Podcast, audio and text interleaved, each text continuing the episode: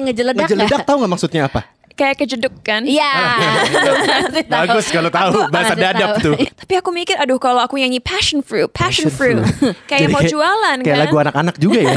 Kenapa kayak baby shark? Iya kan barusan di baby shark. Iya, iya. Mission terbesar aku adalah apa pun yang aku kerjakan dalam karir aku harus berdampak positif buat banyak orang, ya. Dan lewat lagu Markisa ini dan juga karya-karya aku dalam dua tahun terakhir, tapi kita omongin Markisa ya. Ya. Lagu Markisa sendiri, aku ingin membuat perempuan Indonesia merasa confident. When they hear the song, I want them to feel good about themselves and feel hot gitu.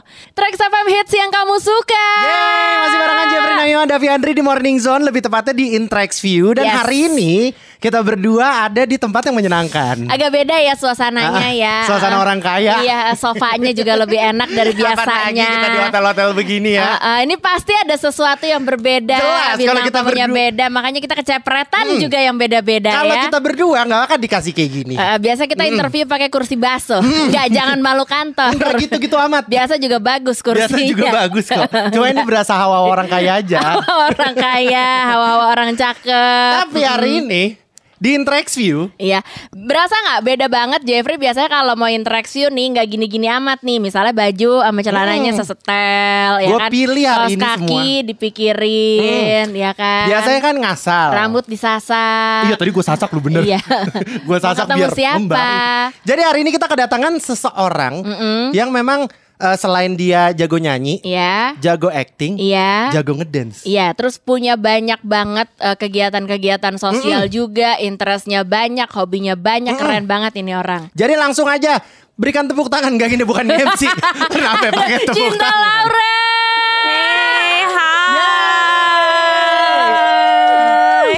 Ini dia nih salah satu perempuan yang kita ngefans banget nih anak Rex ya.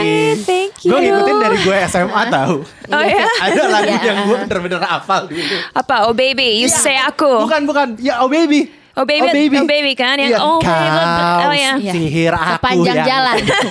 Sepanjang jalan cinta. To be honest, kalau kalian lihat streaming platforms itu masih lagu uh, dengan streaming tertinggi lagu aku maksudnya. So emang gimana ya? I think lagu itu iconic pada zamannya. You know what I mean? Dan so masih ke bawah kok. Katakan, Iya. katakan kau sungguh-sungguh itu kan. tapi mudah-mudahan hari ini kita bisa membicarakan suatu lagu yang mudah-mudahan akan lebih iconic Nah, ya.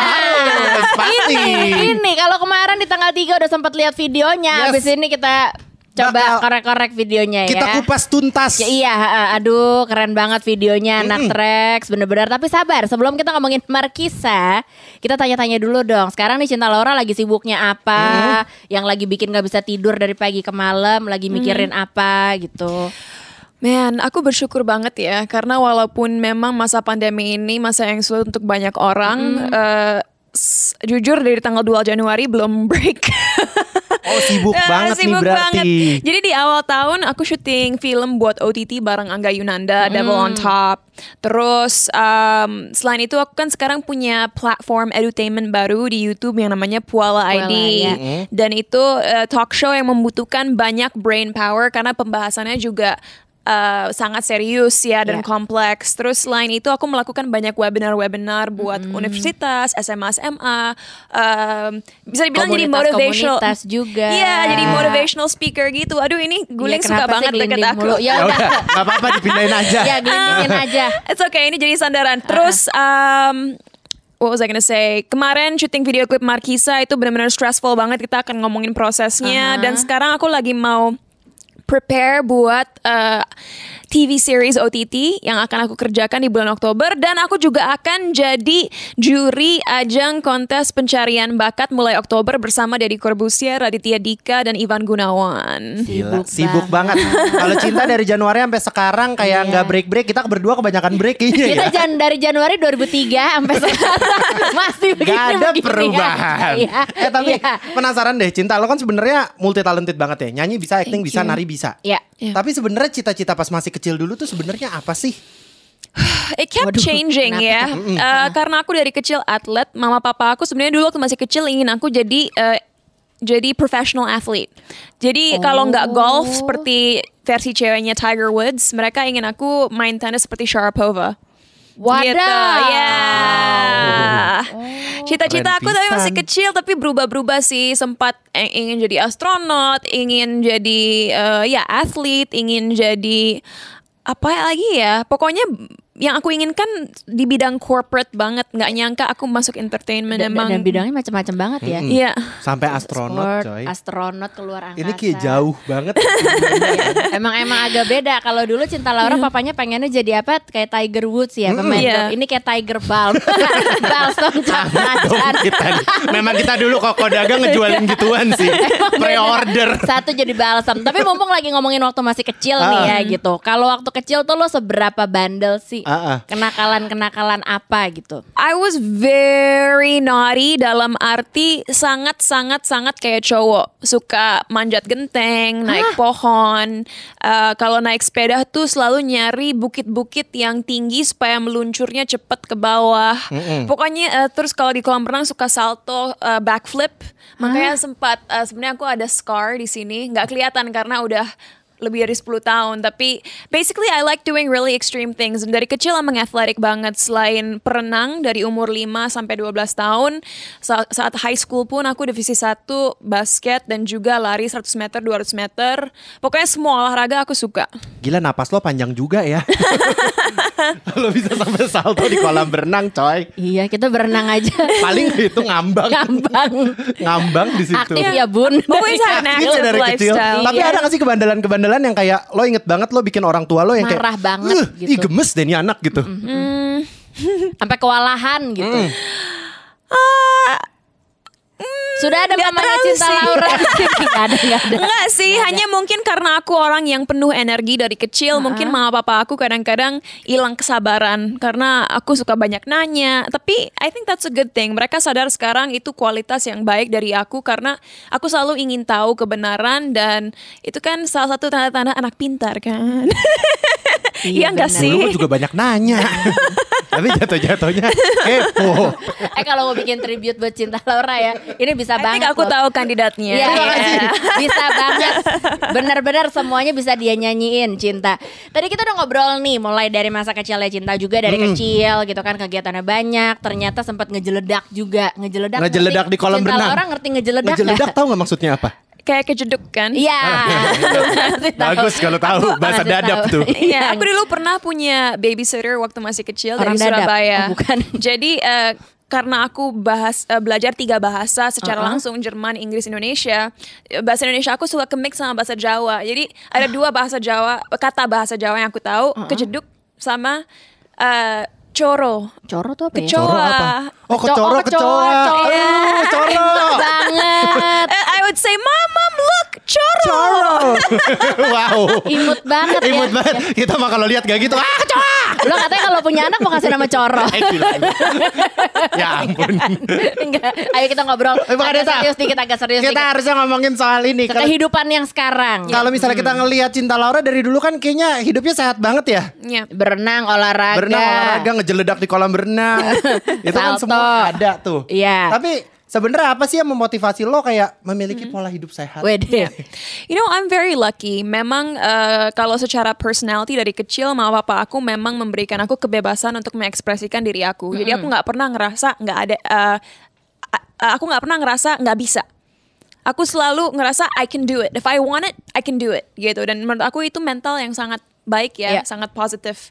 Eh, kalau secara healthy lifestyle sama, Eh, mama papa aku dua-duanya sehat, tapi apalagi papa aku yang sampai sekarang aku tahu schedule-nya persis karena setiap hari selalu bangun setengah lima pagi. eh, makan sarapan kecil, gym dari jam 6 sampai jam 7 pagi, berenang dari jam 7 sampai 8 pagi, baca buku atau koran sampai setengah 9 pagi, terus pokoknya selalu aktif hidupnya. Jadi eh, papa aku umurnya udah 71 tahun, Wow. tapi tetap olahraga ke gym 4 kali seminggu, berenang 5 kali seminggu, dan jalan di pantai 3 kali seminggu. Buset gue denger aja gue capek. So Buset. for me, uh, aku pun dari kecil selain atlet sekarang karena udah lulus sekolah, aku nggak mau aktivitas uh, fisik aku berhenti gara-gara nggak ada ekstrakurikuler la- kurikuler lagi. lagi. Jadi um, I go to the gym five times a week dan setiap hari Minggu kadang-kadang sama Mas Iwat dari MRA Group kita lari 10 sampai 12 km di daerah SCBD. So I burn on average 700 to 1000 calories a day setiap um, olahraga. Kita gain. Kita gain. Kita gain. kita kerjaannya setengah sembilan baru mulai aktivitas. Kita bukan burn, kita Gak gain. ada kita. Like this morning, aku bangun jam 5 pagi, jam Uh-huh. setengah 7 pagi udah siap-siap buat kegiatan penuh dengan press. Kita siaran jam 6 baru bangun setengah 6. Kadang-kadang. Emang beda. Tunggu, tadi kan jadwalnya lengkap banget tapi jadwal papa kamu nih Cinta Ah. ya. ah. Yang kadang-kadang mungkin anak Trax pengen tahu juga jadwal kamu Yes. gitu. Dari bangun tidur biasanya apa yang kamu lakukan gitu? Ngapain dulu, ngapain dulu? Quite similar sih. Jadi eh, biasanya kalau aku bisa mengontrol schedule aku, aku berusaha setengah tujuh pagi itu udah paling telat bangun. Terus aku sarapan, eh, tunggu, aku pertama minum kopi dan sarapan, meditasi, menulis afirmasi dalam buku, eh, terus nge-gym dari jam 9 sampai setengah 11, terus setelah itu memulai aktivitas dari jam, let's say jam 11 sampai malam. Gitu. Dan aku Berarti udah tidur lagi setengah 11 udah tidur. Olahraga pokoknya dari pagi sampai setengah 11. Satu setengah jam olahraga.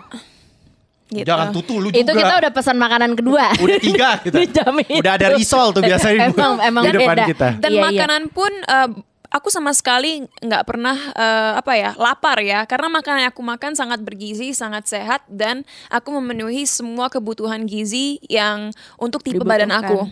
Like and I know all about nutrition, so I know what's good for myself.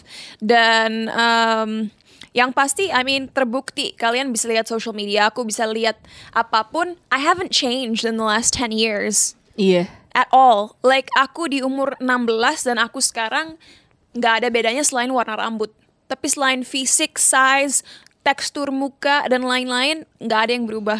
Dan itu semua karena makan sehat dan lifestyle yang sangat baik dan udah terbukti lewat sains bahwa kalau kita mengkonsumsi makanan yang sehat dan punya lifestyle yang sehat, memang sel kita terus mereg- Regenerasi. Yes. So you stay young for a very long time. Pantas kita kelihatan lebih tua dari cinta.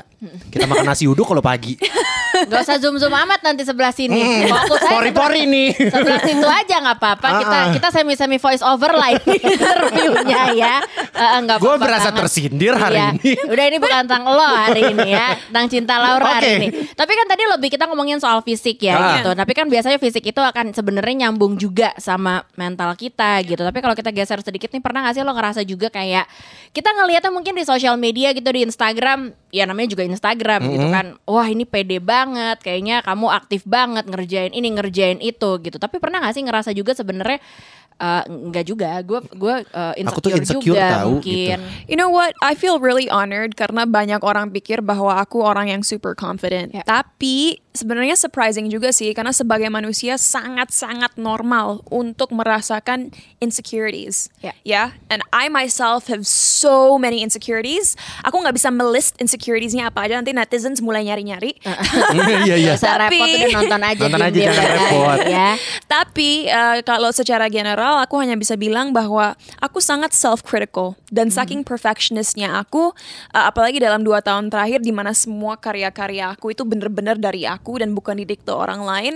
Kadang-kadang aku selalu merasa kurang, kurang dan kurang, and I feel very insecure about my craft. Kayak kalian udah nonton video klipnya kan, dan menurut kalian keren. But um, saat aku lagi preview video klipnya, aku sempat ngerasa, aduh itu dance-nya detailnya jelek banget, aduh nggak ada take yang lebih bagus, aduh ini ini nggak sesuai ekspektasi aku. Padahal menurut banyak orang itu udah keren, tapi buat aku saking criticalnya aku, aku ngerasa I could have done more. Itu Yeah. insecurity aku yang terbesar tentang karya-karya aku, padahal aku udah memberikan s- 2000% terhadap pekerjaan aku. Tapi gimana caranya untuk apa namanya ngilangin insecure-nya ya? Mm, Oke. Maksudnya how to deal with that? Oke, well first of all jangan pernah membandingkan diri sendiri dengan orang lain karena kita nggak pernah tahu uh, obstacles apa yang orang lain alami. Apalagi jangan pernah menjudge hidup seseorang dari social media karena nggak mungkin, misalnya aku ya nggak mungkin aku ngepost foto aku lagi nangis-nangis makan es krim kan nggak mungkin kan? Pasti aku ngepost foto-foto dan video yang keren. Iya, benar. You know what I mean? So you don't know when I Perfect cry. pose, lighting, apa? Exactly. Um, satu. Terus kedua, kedua, jangan pernah membiarkan orang lain mendikte self worth kita. Walaupun mungkin ada orang-orang yang mengkritik di luar sana dan kritiknya nggak konstruktif, let's say hanya negatif tanpa alasan, jangan biarkan itu mempengaruhi bagaimana kita melihat diri kita sendiri. Ya. Karena at the end of the day, self worth itu ada kata selfnya yang berarti kita sendiri yang menjudge value diri kita dan kit- anak muda zaman sekarang, I think kita benar-benar harus belajar self love, mencintai diri kita sendiri. Karena dengan cara begitu nggak akan ada orang yang bisa mempengaruhi kita kalau kritik mereka tidak konstruktif. Dan kalau kritik mereka konstruktif, listen to it and see what you can do to improve yourself. Because there's always room for improvement. Nobody's perfect. Gitu. Gila. Ini kalau waktu itu aku sempat ngobrol juga sama eh, Cinta gitu kan. Maksudnya kamu melewati perjalanan yang cukup panjang gitu. Iya. Maksudnya untuk bisa sampai di titik ini, apalagi dengan posisi kamu juga yang apa ya, apa pun yang kamu lakukan gitu dilihat sama orang dan jempol orang tuh kan enteng banget. pada cepet-cepet banget Eh, bergeraknya. cepetan jempolnya kadang daripada eh, Mikirnya. mikirnya gitu. Nah, ap- apa sih yang waktu itu jadi turning point buat kamu yang ketika waktu itu kamu cukup kasarnya struggling lah menghadapi hal-hal eh, insecurities gitu kan kata orang Ya. sampai hari ini. Karena trauma yang aku alami di awal karir aku, sempat waktu aku kembali ke Indonesia tahun 2019, aku sadar bahwa yang aku lakuin itu hanya menggebu-gebu berusaha membuktikan kepada masyarakat bahwa aku kualitasnya gini loh, aku seperti ini loh. Sebenarnya the real Cinta's like this. Like aku all I was doing was proving myself to other people. Yep. Dan di awal pandemi menurut aku itu blessing yang besar sekali buat aku karena aku berkembang secara mental, spiritual dan emosional. Aku sadar kalau misi aku hanya ngebuktiin diri aku sendiri ke orang lain, I'll never be happy. Dan apakah itu yang aku mau to never be happy?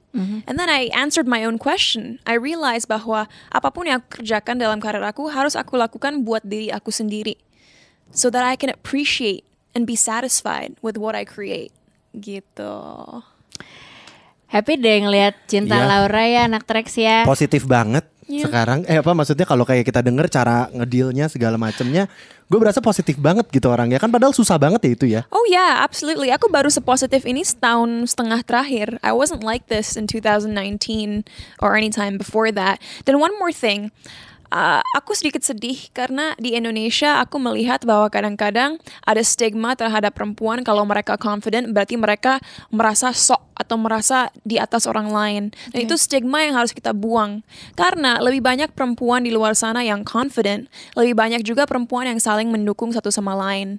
Dan dengan mendukung satu sama lain, dengan kita kerjasama, perempuan akan mendapatkan hak yang lebih di negara kita dan kita bisa accomplish lebih banyak lagi sama-sama. So don't don't dim your light for other people. Jangan mengecilkan diri untuk orang lain karena orang yang nggak bisa melihat kamu bahagia dan melihat kamu percaya diri berarti dirinya sendiri yang insecure dan dirinya sendiri yang perlu dikembangkan lagi supaya tidak seperti itu. Orang yang sincere, orang yang sayang sama kita akan senang kalau lihat kita itu mencintai diri kita sendiri dan mempunyai confidence yang kuat. Sampai speechless gue. gue kayak lagi denger question and answer Putri Indonesia barusan. Well, this is why I do webinars kan. Tadi aku ceritakan aku lagi banyak webinar karena mungkin anak-anak SMA dan universit- universitas perlu denger ini walaupun mereka udah tahu. Kita kan lagi ngomongin Markisa nih Yes. anak Trax. Mungkin kalau kemarin pas lagi rilis langsung buru-buru kita menggebu-gebu gitu ya kita nonton di YouTube video klipnya keren banget. Kacau. Kostumnya, Jogetnya, ap- apa sih kayak semuanya gitu loh. setnya, pokoknya apa nih kalau di video klip tuh ngomongnya apa sih? Warnanya lagunya Ah. artistik kali ya. Iya, iya. Pinter dikit dong kita pakai bahasa-bahasa apa Director gitu. of fotografinya. DOP-nya itu yang Iya. shoot loh. Yang- Tuh, Oh DOP-nya langsung. DOP-nya. Oke sebentar sebelum diopa diopi diopa diopi kita breakdown dulu pelan-pelan Markisa Hmm. ini ya. Pertama, ini kepikiran Markisa ini karena emang waktu itu lagi jalan-jalan belanja buah-buahan. Hmm, aus. Apa, uh, uh, Makan markisa ah gitu. minum. misalnya. Oh iya. eh, Makan. bisa iya iya iya. Kedong, kenapa nggak Dimakan, kedong bener, dong atau Markisa apa? dimakan. ya aku biasanya air sih bentuknya. Oke, so uh, pertama-tama aku harus uh, bilang dulu bahwa lagu ini dibuat uh, bersama Eka Gustiwana, member Oh, Eka. Genius. Lama. Iya, jadi uh, aku workshop di bulan April bareng Eka. Dan wa- saat itu nggak tahu kenapa aku lagi suka banget new age Bollywood music. Jadi lagu-lagu Bollywood yang ke arah hip hop gitu. Gara-gara apa tuh tiba-tiba ke Bollywood? I just think that Lagi people nonton. there are super hot. Oh. dan uh, keren sih. dan saat itu aku bilang Eka gimana caranya kita bikin music yang lively yang bikin orang pengen merayakan hidup ingin goyang tapi Indonesia Oh, Startnya dari situ tuh. Iya dan dari situ um, mulai tuh kita cari-cari sound uh, dan percaya nggak percaya walaupun lyrics Markisa bahasa Inggris lagu ini sebenarnya sangat Indonesia karena instrumennya uh, terdiri dari tujuh instrumen etnik Indonesia dan apa dia biar nggak salah-salah aku baca Oke, oke, ada boleh. Oh. kecapi Minang Saluang Minang Sarunai Minang Sape Kalimantan Kendang Dangdut Vokal Kalimantan dan Kendang Sunda Coba sebut tiga.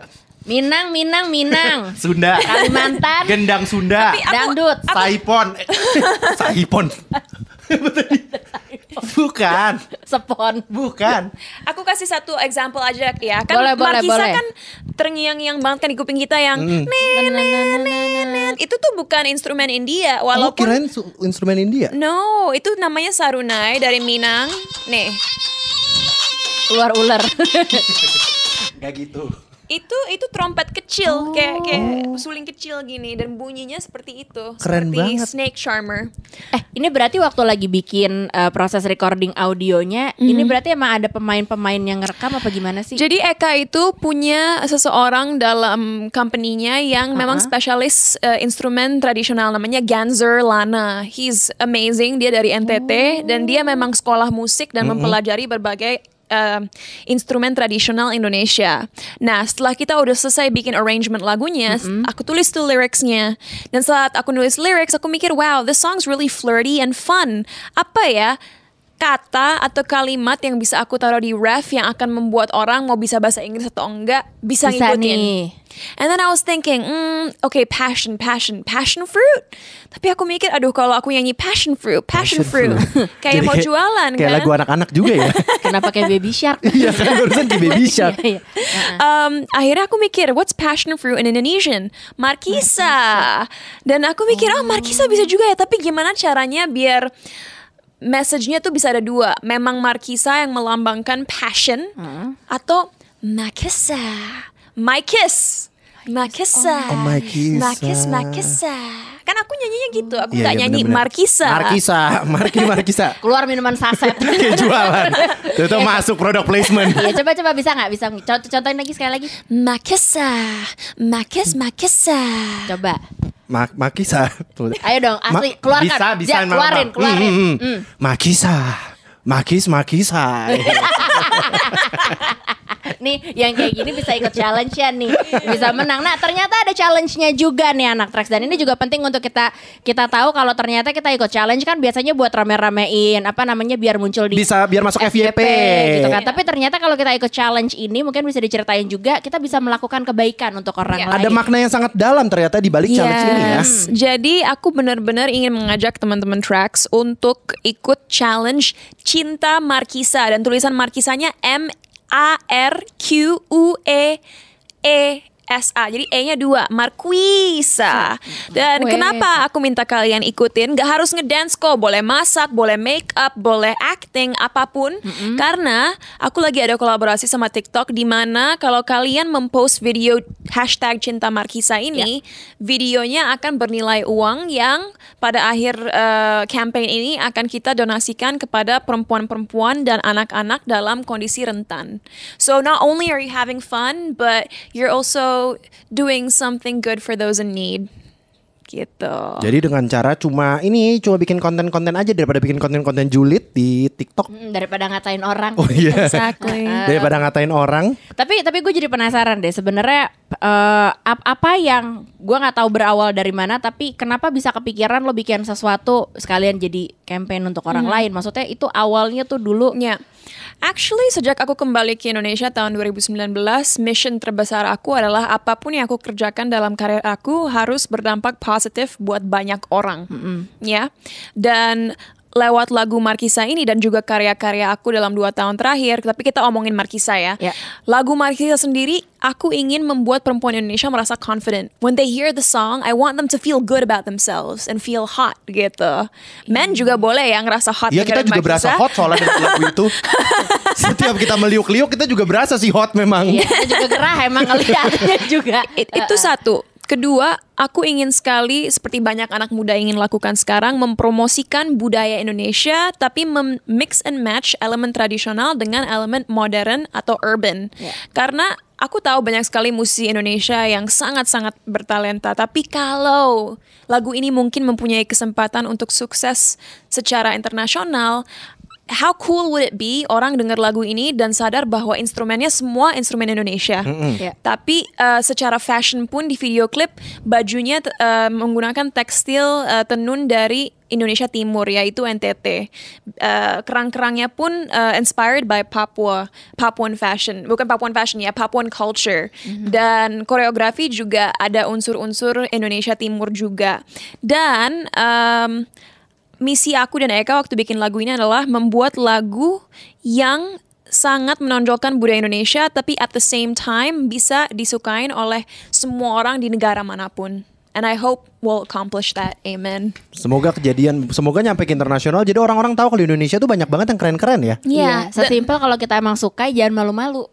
Ya udah kita tonton lagi, Iya. kita nyanyiin, kita share juga ke teman-teman Ya, kita. jangan gitu. malu-malu beda sama jangan malu-maluin.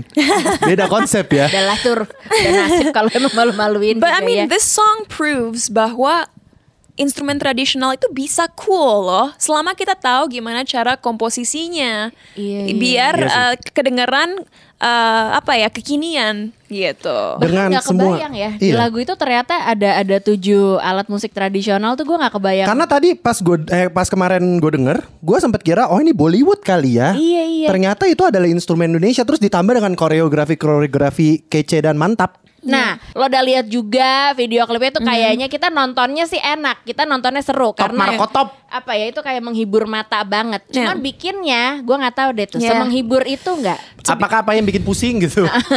To be honest, preparasi video klip ini agak kayak film dua setengah bulan. Buset. Uh, I mean, in part it was because of ppkm, jadi sempat dipostpone, postpone terus. Tapi aku rasa itu adalah divine intervention dari Tuhan supaya kita bisa preparasi lebih matang lagi. ya. Secara latihan dance, aku dan dancers aku latihan 28 jam. Gila tapi emang keren banget sih. koreografi itu. 28 jam gak ada breaknya. Jadi 4 4 4 4 tapi tetap aja 28 jam apalagi buat di Indonesia itu lama banget sih. Kita latihan. sejam aja latihan dance dulu pernah berhenti, gak kuat. Baru satu lagu. Baru satu lagu. Dan itu syutingnya selama dua hari di Jogja, di Gumuk Pasir dan juga di Studio Gamplong. itu semuanya Jogja. Yes, 100%. Oh, itu semua di Jogja yang gurun pasir itu juga di Jogja. Iya, iya. Nggak kelihatan kayak Jogja ya. Iya, gue sempat berasa kenapa ke Sahara ya jauh banget gitu. gue sempat mikir kayak apa syutingnya di Gunung Sahara, eh gunung, gurun Sahara. Oh oke oke itu di Iya. Jogja itu itu uh, paling melelahkan tapi apa proses yang ya melelahkan sih memusingkan tapi paling menyenangkan gitu.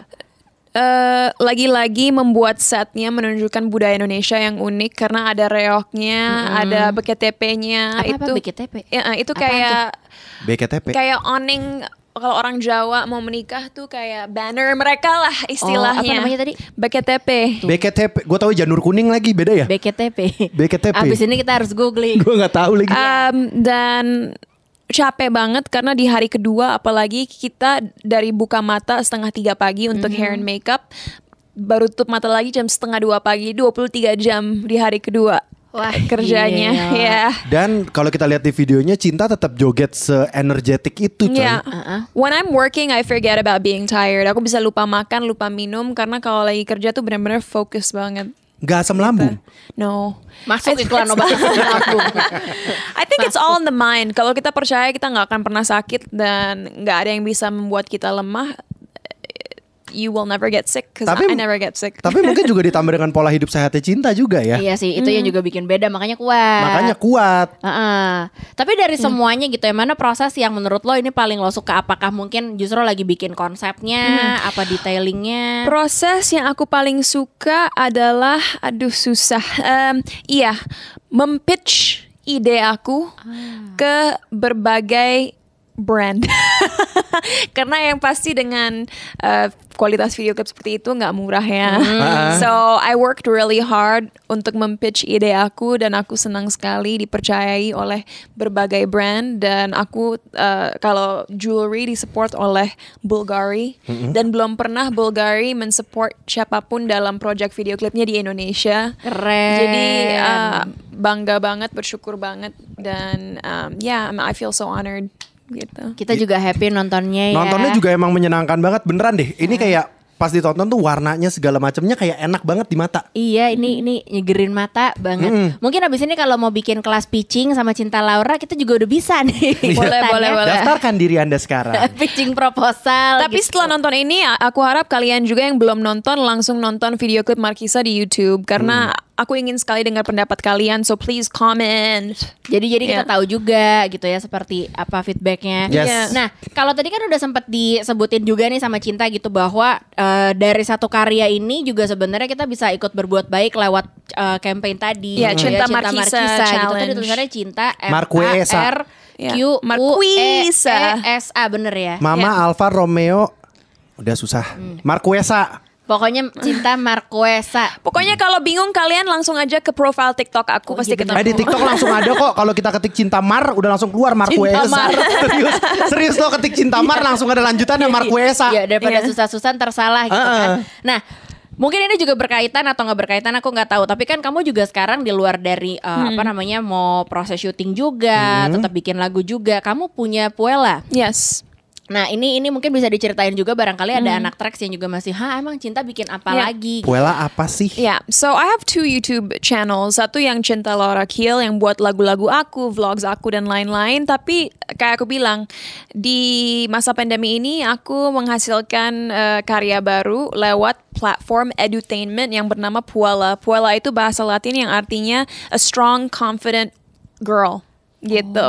Dan misi Puella ini adalah mengedukasi generasi muda Indonesia, apalagi Gen Z, uh, yang kita harus melihat fakta bahwa mayoritas anak-anak Indonesia nggak sekolah sekarang di masa pandemi. I'm sorry to say, tapi banyak orang tidak mempunyai privilege untuk benar-benar sekolah. Dan buat generasi muda yang juga nggak punya orang tua yang selesai sekolahnya, di mana mereka bisa dapetin source untuk membangun cara pikir mereka, untuk berpikir kritis dan bisa jadi productive members of society ke depannya. So saat setelah ngelakuin research dan melihat bahwa banyak acara-acara di TV dan konten-konten di YouTube sedihnya kurang positif dan nggak ngajarin values-values yang baik, akhirnya aku mengambil keputusan it's my obligation sebagai seseorang di dunia entertainment untuk mem- uh, apa ya melaku- membuat perubahan dan lewat Puella ini ada talk show yang namanya Bicara Cinta di mana kita ngomongin isu-isu sosial yang jarang dibahas di Indonesia atau dianggap tabu kayak identitas gender, uh, peran perempuan dalam masyarakat, eating disorders, depression, broken home, uh, quarter life crisis, Ya. uh, you know single parenting dan banyak lain sebagainya. So uh, so far sih walaupun memang niche responsnya bagus sekali dan aku senang banget uh, banyak orang yang bilang mereka tertolong karena konten ini and that's all I wanna hear. Tapi bisa gak sih kalau cinta dari di konten tersebut misalnya ada yang mengalami masalah apa mau curhat, bukan mau curhat ya, apa kayak isunya mau diangkat bisa gak sih kayak misalnya mau komen apa bisa nggak kayak gitu? Maybe di season 3 ya. Sekarang kita udah masuk season 2 dan uh, sebenarnya motivasi awal aku season 1 sama 2 ngundang guest stars yang Gen Z dan millennial supaya mereka bisa jadi role model dan Ya. sumber inspirasi buat orang-orang yang nonton karena mereka belajar kan dari cara berpikir guest stars yang aku undang gitu. But eventually maybe that's a good idea. Bisa bisa juga ya mungkin kasih kasih Ya, usulan kasih gitu. usulan kayak kak cinta bahas ini dong gitu kan Yeah, komen-komen absolutely. komen-komen netizen kan gitu Lagi biasanya dalam lakon jadi ini ya. menjadi Gen Z Gen Z Iya, minta iya. komen Lebih kayak genset sih barusan ya. genset listrik. Aduh. Aduh ini banyak banget sebenarnya yang bisa kita cek juga nih anak Trax gitu ya. Kamu mau nonton yang mana dulu boleh. Kamu mau nonton eh, video klipnya dulu. Mungkin kalau belum harus go banget ahead gitu. itu yang paling penting Iya. pengen dengerin eh, seperti apa sih bicara cinta isu-isunya apa karena pasti isu-isu ini juga sebenarnya relate banget sama kita yang sekarang dan aku nggak tahu sih justru nggak cuma untuk perempuan aja gitu No, karena it's for everybody. buat, buat semua orang gitu karena kita mengalami banyak hal dan mungkin kamu bisa nonton dari sana juga gitu. Nah, what's next yang pengen dilakukan lah plan ke depannya. Terlalu banyak ya, terlalu banyak. Cause I'm a go-getter. Tapi yang sesuatu yang akan terjadi in the near future, stay Yeah. tuned aja anak tracks. Uh, mungkin bentar lagi aku akan ngeluarin EP. Right. Wow, udah bakal bakal ada berapa lagu di kira-kira bocorannya? Jadi yang pasti lagu yang udah aku release 2 tahun terakhir Vida, Caliente, dan Cloud9 akan ada dan tentunya Markisa. Nah ada akan ada enam lagu, ada dua lagu lagi yang aku buat dengan Eka Gustiwana juga dalam bahasa Indonesia. So Wow. untuk fans-fans aku yang dari kemarin request lagu bahasa Indonesia, it's coming at you. Tapi kan This itu year. yes. tahun ini ya berarti ya. Tapi kan suasananya selama ini kalau lagu-lagunya cinta kan kita lihat rasanya ingin berjoget dan berdendang Dance, ya. uh, Dance. Apakah ini ada kayak ballad kah atau apa gitu? Dua lagu ini bukan dance track, tapi bisa dibilang lebih relax, lebih feel good, lebih yang chill. chill gitu. santai. Honestly, I struggle to make ballads. Aku nggak bisa bikin lagu ballad karena aku tipe orang yang nggak pernah galau masa masalah percintaan. Jadi susah banget untuk aku bikin lagu-lagu yang sedih galau-galau. It's just not me. Bikin apa aja terserah. Jeffrey, lihat aku kayak gini. Iya. Wow. Why? Are you always galau? Iya lagi playlist aku tuh playlist galau tahu cinta. Tiap mau tidur, Setiap mau tidur. mau nyetir, eh, biar dia berasa ini tau nggak kayak lagi lagi misalnya lagu galaunya soal apa ya ditinggal orang, Eh, nah kita dia lagi berasa. berasa jadi tokoh utamanya. gitu. Padahal nggak ada cerita itu. Eh, barangkali butuh nanti model-model video klip ya, jadi jadi gerobak, jadi, jadi apa? Jadi tukang sayur. Kita bisa Eh kagak ada. Mana ada video yang pakai gerobak? Jadi reok kalau di Makisa. Sekali lagi cinta thank you banget udah sharing buat anak tracks juga, udah main-main sama Thank kita you. juga. Keren banget. ini, Kita rasanya ya. terinspirasi hari ini.